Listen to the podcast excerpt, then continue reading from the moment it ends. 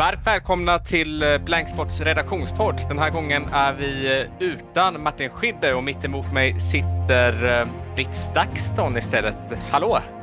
Hej, hej! Ja, Martin är ju på väg till Sydafrika på semester och skrev precis att han åker ut till Arlanda så vi får klara oss utan honom den här veckan.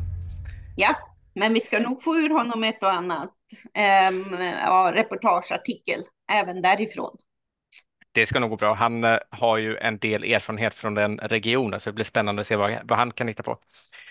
Men jag såg eh, att eh, det är en ganska stor diskussion just nu på mm, i alla fall X och lite andra sociala medier om Magdalena Anderssons kommentar, möjligtvis utspel om den här Henrik Jönsson som du har haft en del att göra med tidigare, Britt.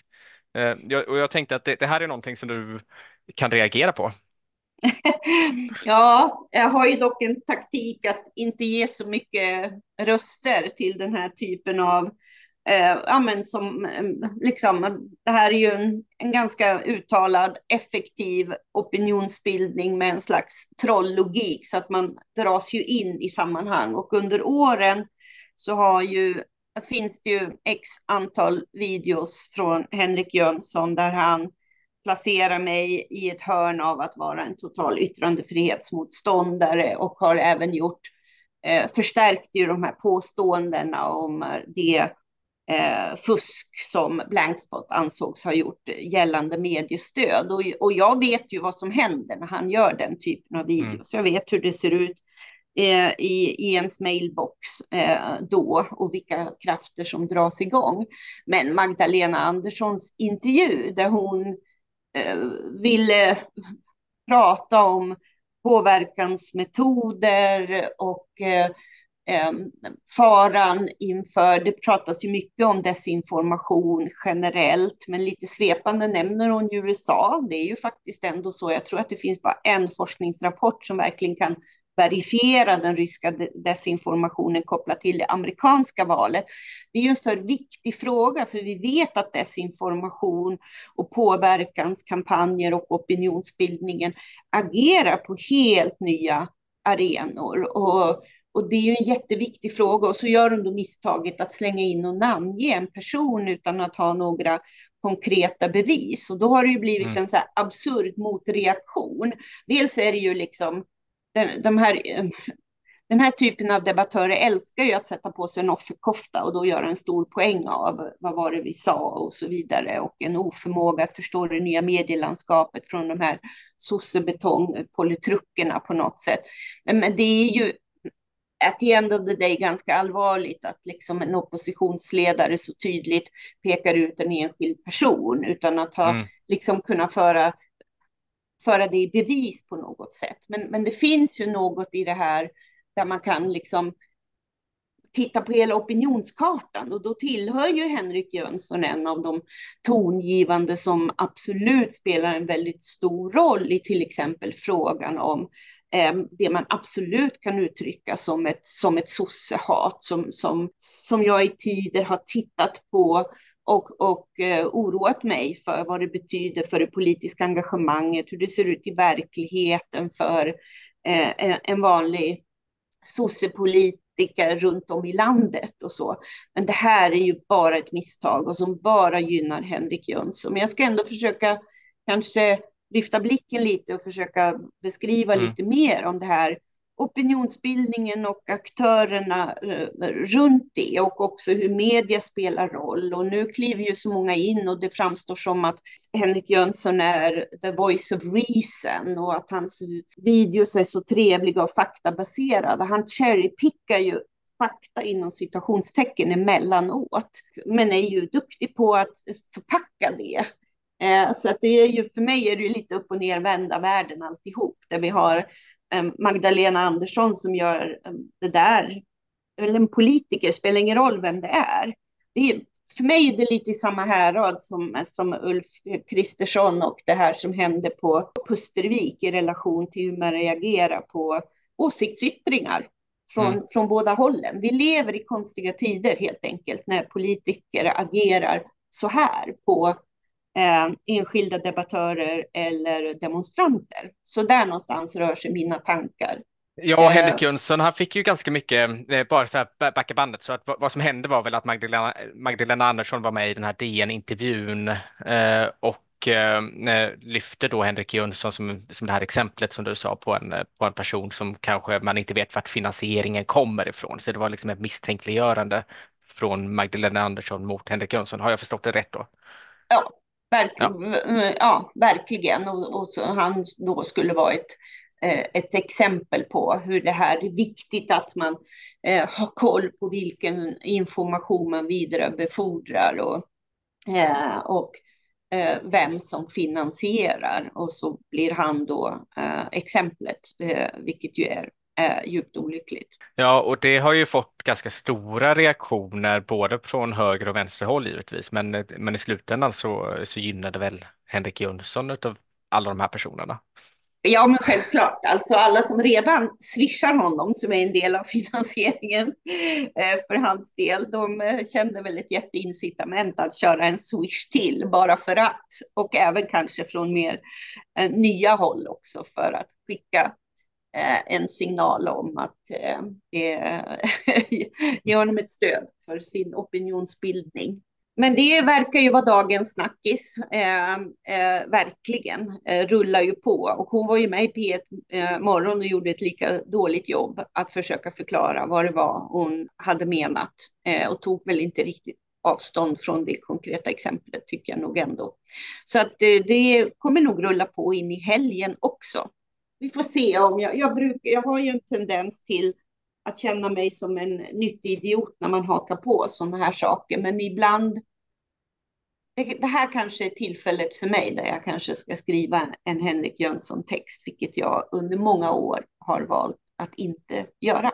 Och det, det hänger ihop med det som du sa i början kan jag tänka mig, liksom att, att Henrik Jönsson, att du har förekommit i hans medier och att Henrik Jönsson har varit med i det här drevet mot Langspot.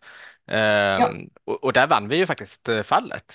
Uh. Ja, och det är ju tydliggjort och liksom granskat på alla sätt och vis och så, men uh, det är väl ett exempel då om man vill att eh, lyssna på de videosarna visar väl också att det eh, inte är, ja, hur man verkligen till det yttersta kan hårdvinkla saker och cherrypicka bland det man väljer att lyfta fram. Och förstås, det kommer ju aldrig en uppföljande video som visar att det var felaktigt. Eh, ehm, så ser det ju, så ser det ju ut.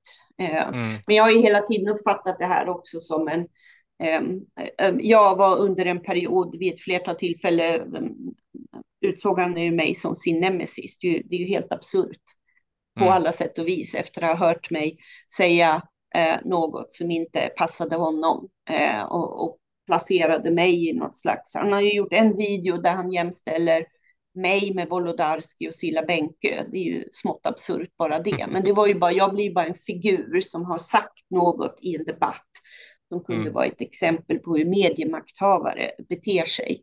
Mm. Eh, så ja, nog om Henrik Jönsson, men som fenomen hur opinionsbildning ser ut idag, hur politiken i sin vardag pressas och att han definitivt producerar ett innehåll som naturligtvis eh, eh, flitigt delas vidare eh, av alla de som delar synen på Socialdemokraterna är ju uppenbart. Man skulle vilja se lite mer av den här större bilden än att bara gå in och försvara honom som the voice of reason och den klokaste personen av alla just nu.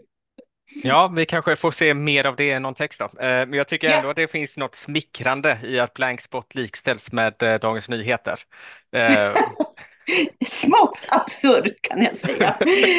och framförallt min egen eh, maktposition i mediesfären, det måste jag ju säga.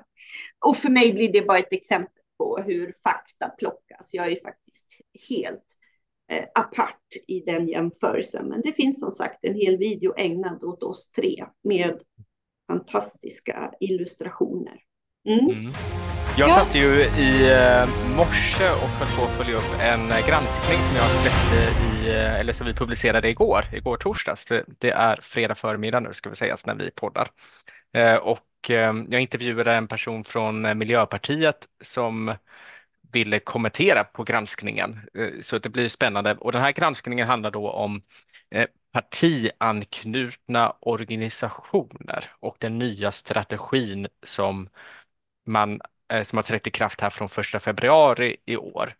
Och för den som inte vet vad partianknutna organisationer är för någonting så är det biståndsorganisationer som är kopplade till riksdagspartierna.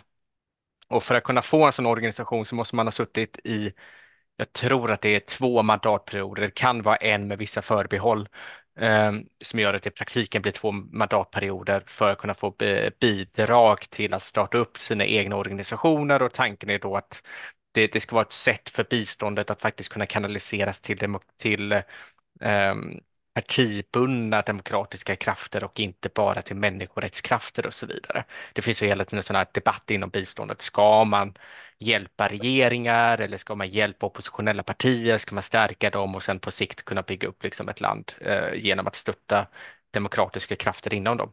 Eh, och det är väl det som är tanken med de här partianknutna organisationerna, att det ska öppna upp den möjligheten för att eh, eh, de ska kunna verka rent politiskt i andra länder. Ehm, och då har man släppt en ny strategi från första februari i år och det har inte blivit särskilt granskat och detta var någonting som gick upp för mig när jag började kolla på det. Jag googlade runt rätt mycket och insåg att men vad, vad är det, vad är detta för någonting egentligen? Här har man höjt biståndet till de här partianknutna organisationerna med 59 procent. Det går alltså från 100 miljoner kronor per år till 159 miljoner kronor per år. Men den största ändringen, mer än bara pengarna, det är att man också har lagt om så att det var från 2018 och framåt har det varit konkurrens eh, fördelat, vilket innebär att de olika organisationerna de har fått konkurrera om samma pott baserat på kvalitativa eh, ansökningar. Detta har man då lagt om till att det ska bli mandatfördelat baserat på eh, partiernas storlek i eh, riksdagen. Och då hör, det, då, då hör det till att eh, Sverigedemokraterna har under de tre mandatperioderna de har suttit inte tagit del av den här potten. De två första mandatperioderna berodde det på att de inte var eh, Eh, kunde göra det. Eh, och sedan den sista mandatperioden berodde på att man la om då från att det skulle vara mandatfördelat till att bli konkurrensfördelat. Ehm, vilket gjorde att eh, Sverigedemokraternas ansökningar de nekades av Sida då som då handlägger, ehm, handlägger de här ansökningarna.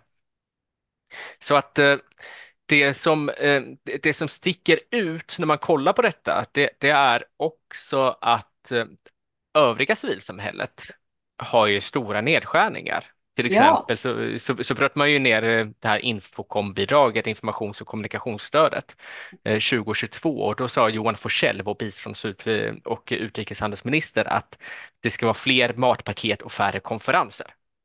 Um, och det var från typ 150 miljoner kronor och nu för 2024 har man tagit bort det helt och hållet. Men då får då de, de här partianknutna organisationerna, de, de har rätt att använda upp till 2 miljoner kronor utav sitt grundbidrag på just informations och kommunikationsstöd. Så att för övriga civilsamhället tar man bort det och för de partianknutna organisationerna så får det bibehållas då till viss del. Ehm, Um, Dessutom eh, kan vi säga att det är typ etniska organisationer man dragit ner 19 miljoner, de har försvunnit helt och hållet. Det är en helt annan debatt. Eh, nu när jag säger mm. de här mm. sakerna så, så äh, värderar jag inte om det är rätt eller fel och det finns, det finns både för och motargument för att dra ner på etniska organisationer. Men man har också dragit ner med en, en halv miljard ska försvinna för Folkbildningsrådet, vad är det, Folkbildningsrörelsen. Ehm, Folkbildningsrådet ja. är det väl? Som, som fördelar, för, så. som ja. fördelar till, till ja. olika studieförbund. Mm. Uh, och det ska ju försvinna på ett par år. Och man har övergivit eh, enprocentsmålet eh, i biståndet. Nu låg Sverige väldigt, väldigt högt så det kanske kan finnas fog för det också om man argumenterar för det. Och det finns både för och motargument givetvis. Eh, och så att hela, jag, jag, tror att det är fem eller sex stycken olika bidrag till civilsamhället som faktiskt helt försvinner eh, här under 2023 och in i 2024 eller, eller som minskar kraftigt. Samtidigt som man då det enda biståndet som man höjer och gör lättare att få, det är det som då går till de egna partianknutna organisationerna. Ja, så mer pengar och färre krav. Och igen, precis som du säger, handlar inte om att ta ställning till det här med etniska organisationer och så vidare. Men helhetsbilden du målar upp här är ju, det är ju bekymmersamt. Och det är intressant att det är så få som har reagerat på det hittills. Mm.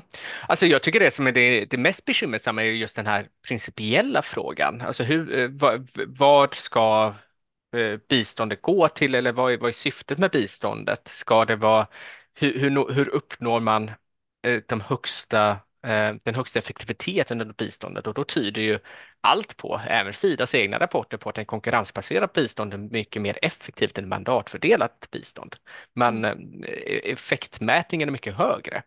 Um, så att jag har försökt att nysta lite i vad är det egentligen som gör att man eh, till att just det här biståndet ska ha andra spelregler än allt annat bistånd som vi har i Sverige.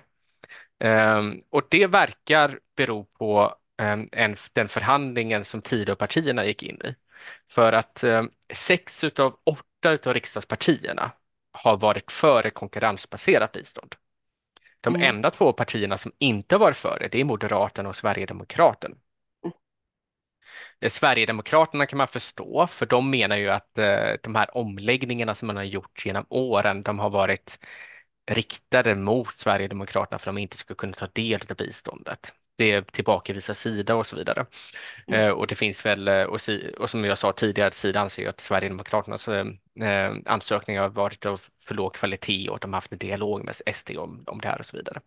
Eh, men det kanske finns ändå en, eh, när man följer hur besluten har tagits så har det också följt i i eh, samma tidslinje som Sverigedemokraterna har gått in i riksdagen och så vidare. Så att det, ehm, det, det, det, det kan ha varit ett perspektiv, men förmodligen inte det mest avgörande. Ehm, och, eh, men men eh, det, det jag vill ha sagt är att men Liberalerna och KD som också då gått in och förhandlat om den här nya strategin, de har ju historiskt sett varit för ett konkurrensbaserat bistånd. Och, mm. Eh, så den frågan som jag ställde då till Johan Forsell var, men är det så att man, eh, att man höjer anslaget från 100 till 159 miljoner kronor för att de här andra mindre partierna annars skulle få en minskad budget om det är så att SD skulle gå in och konkurrera om samma pott när man gör så det blir mandatfördelat istället för konkurrensbaserat. Eh, och det fick inte jag något tydligt svar på, utan det man kallade det för, det var en demokratisering av biståndet. Eh, och en demokratisering i, i det här fallet handlar om att man ska fördela det på partiernas storlek, alltså mandatfördelningen. Och det, det såg man då som en demokratisering. Ehm, men möjligtvis inte en effektivisering, vilket inte han kommenterade på. Ehm, så att i morse så fick jag eh, samtal från Miljöpartiet som eh, ville uttala sig i den här frågan. Och nu sitter jag med den artikeln, en uppföljande artikel för att kolla på eh, de lite mer principiella frågorna. Och Miljöpartiet sa att de inte haft någon insyn i den här processen överhuvudtaget. Att eh, ta fram den nya strategin. Eh, och det kanske inte är så konstigt. För regeringen förhandlar, sig, förhandlar inom sig så att säga. Men de var väldigt kritiska mot att de inte hade haft det. Och de, de sa att även om de gynnas från Miljöpartiets håll av det ökade anslaget så är de mm. rent principiellt emot mm. att man ska gå ifrån en, eh, ett konkurrensbaserat bistånd. Ja, men det är ju så.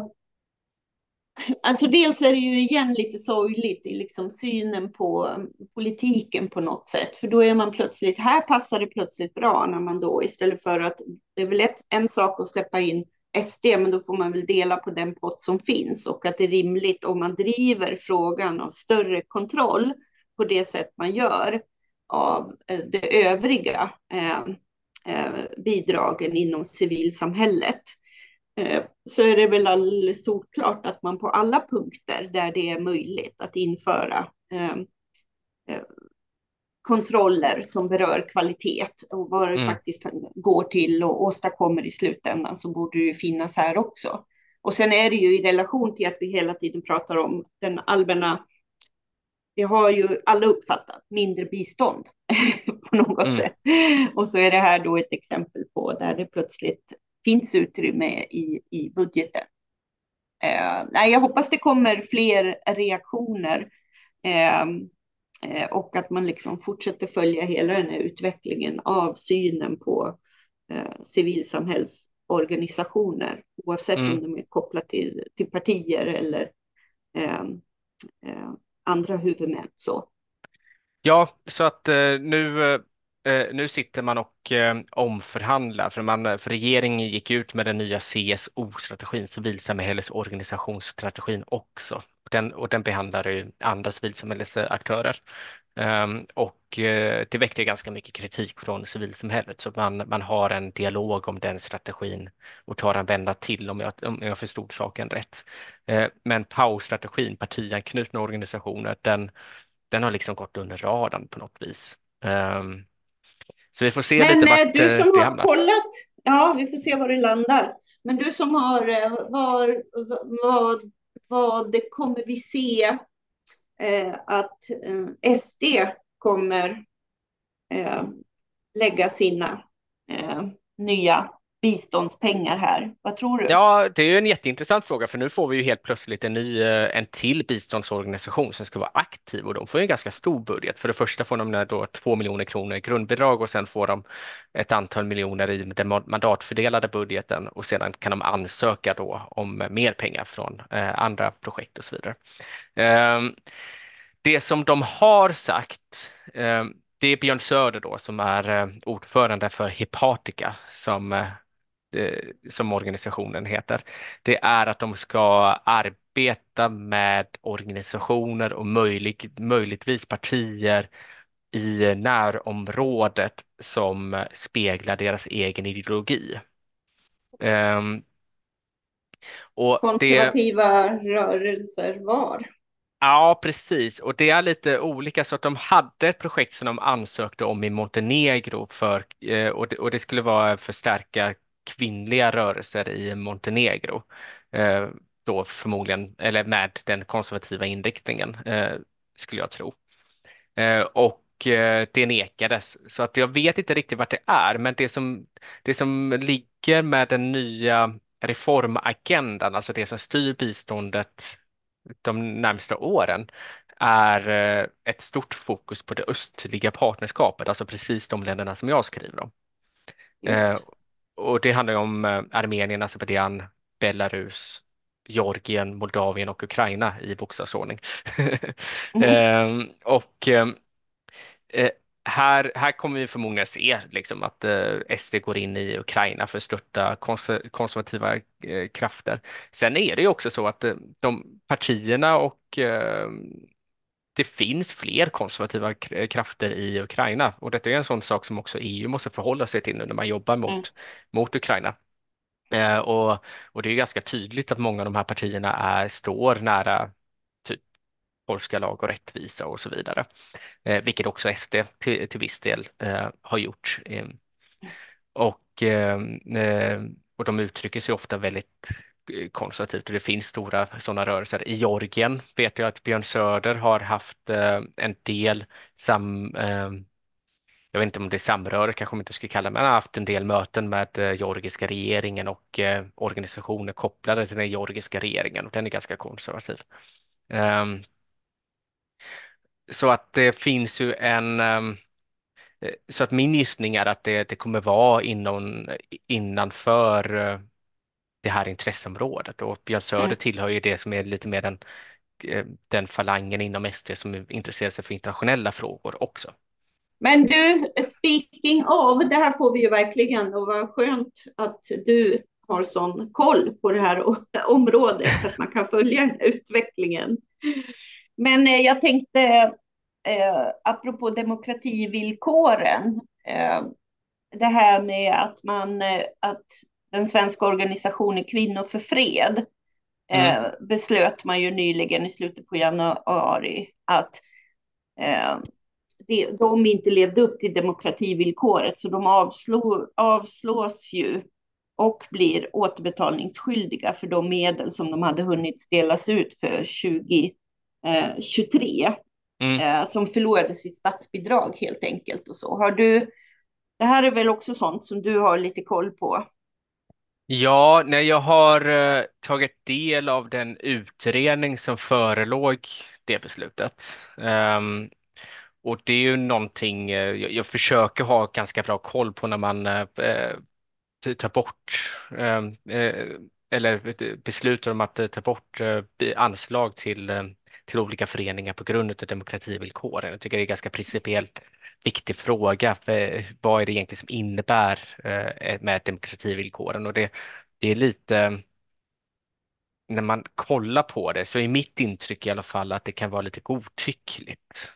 Eh, ofta. För det här, vi kan väl säga att det, det här är ju ett stöd som det är Jämställdhetsmyndigheten som har tittat på det och det mm. handlar att de motiverade sitt beslut med att företrädare för föreningen uttalade stöd för Rysslands invasion av Ukraina. Jag mm. kommer ihåg de här inläggen i sociala medier mm. eh, precis i början då. Så det, det var det som liksom Ja, det, det, är ju en, precis, och det, det är en, eh, så är det ju, att eh, om man kollar på de här inläggen så, så, kan, så uppfattas de ju definitivt som eh, pro-ryska i, i, i, i, i Eh, i mångt och mycket. Eh, det mm. finns ju inlägg till exempel när ordföranden hyllar Putin och tycker det är en eh, greatest leader och sådana saker mm. som hon har skrivit. Eller hon har delat något inlägg där det står det och så vidare. Men med det sagt, alltså själva den här lite mer principiella frågan när man bara kollar på utredningarna som ligger bakom så är det inte alltid jätte, jättebra kvalitet och just den här utredningen studsade jag mycket på. Eh, framförallt tyckte jag väl att det var kanske en 10-15 procent som verkligen hade substans i, mm. i utredningen. Här, här var det tydligt att företrädarna har agerat på ett sådant sätt som gör att man antingen förskönar eller försvarar invasionen av Ukraina. Eh, till exempel var det någon som hade sagt att eh, hur folkrättsligt vidrigt det än är med annekteringen av Krim så bidrar det till fred i framtiden. Eh, var väl ett sånt citat som eh, var väldigt tydligt. Och, eller som jag nämnde här, ordföranden som hade hyllat eh, Putin i något inlägg och så vidare. Liksom. Men bakom den här utredningen, när man kollar vidare på den, så stod det också så här att, eh, nu kommer jag inte ihåg exakt ordagrant, men det stod någonting i stil med att eh, en person som uttrycker skepticism inför NATO, svenska försvarsmakten och är eh, i, eh, och ja, det var, det var, det var någon mer klausul eh, och är kritisk mot eh, eh och tillhör fredsrörelsen, något liknande. Det var något sånt där. Eh, den, det är ett proryskt beteende och det var något, någonting som var så allmängiltigt så jag kände att precis, eller ja, som var kritisk mot USA också var det. Så att det var eh, en person som är eh, kritisk mot NATO, uttrycker kritik mot USA och eh, är kritisk mot, mot den svenska försvarsmakten skulle då vara en proryss enligt den här utredningen. Ehm, och, och det tyckte jag var väldigt allmängiltigt sätt att beskriva någon som är prorysk på. För att om vi bara kollar på mätningarna för två år sedan ehm, så, så var ju faktiskt majoritet i Sverige emot NATO fortfarande. Och mm. att en, fred, och en organisation som ska jobba för, för fred är emot NATO, det, det, är liksom, det är väl de flesta fredsorganisationer.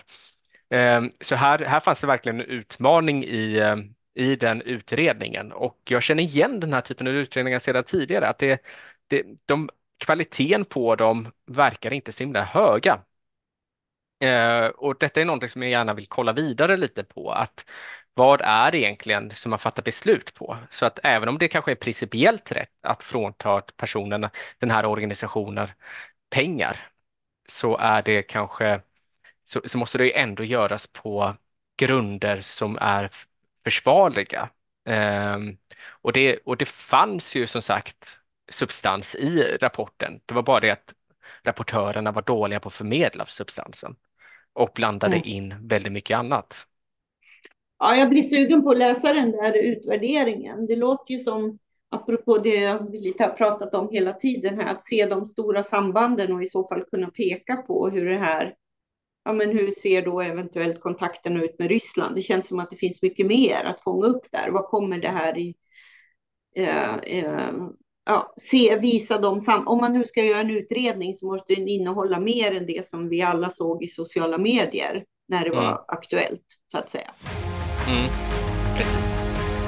Ehm, ja, vi ska väl snart börja avrunda, men vi har väl en sista Mm. sak att prata om, och det är lite WhatsApp. Ja! Eh, Jag eh, tyckte ju att det var dags för Martin för några månader sedan för att han faktiskt tycker att det är så kul att testa nya kanaler och eh, Facebook har ju varit dött hur länge som helst och eh, så dök idén upp, upp om en WhatsApp-grupp och det har ju verkligen varit roligt att följa Martin Schibbye i sin grupp som han har för sin bevakning av Lundin och där man ju får väldigt roliga ljudmeddelanden, andra reflektioner än vad man får från Martin i sina eh, raka nyhetstexter från det eller analyser.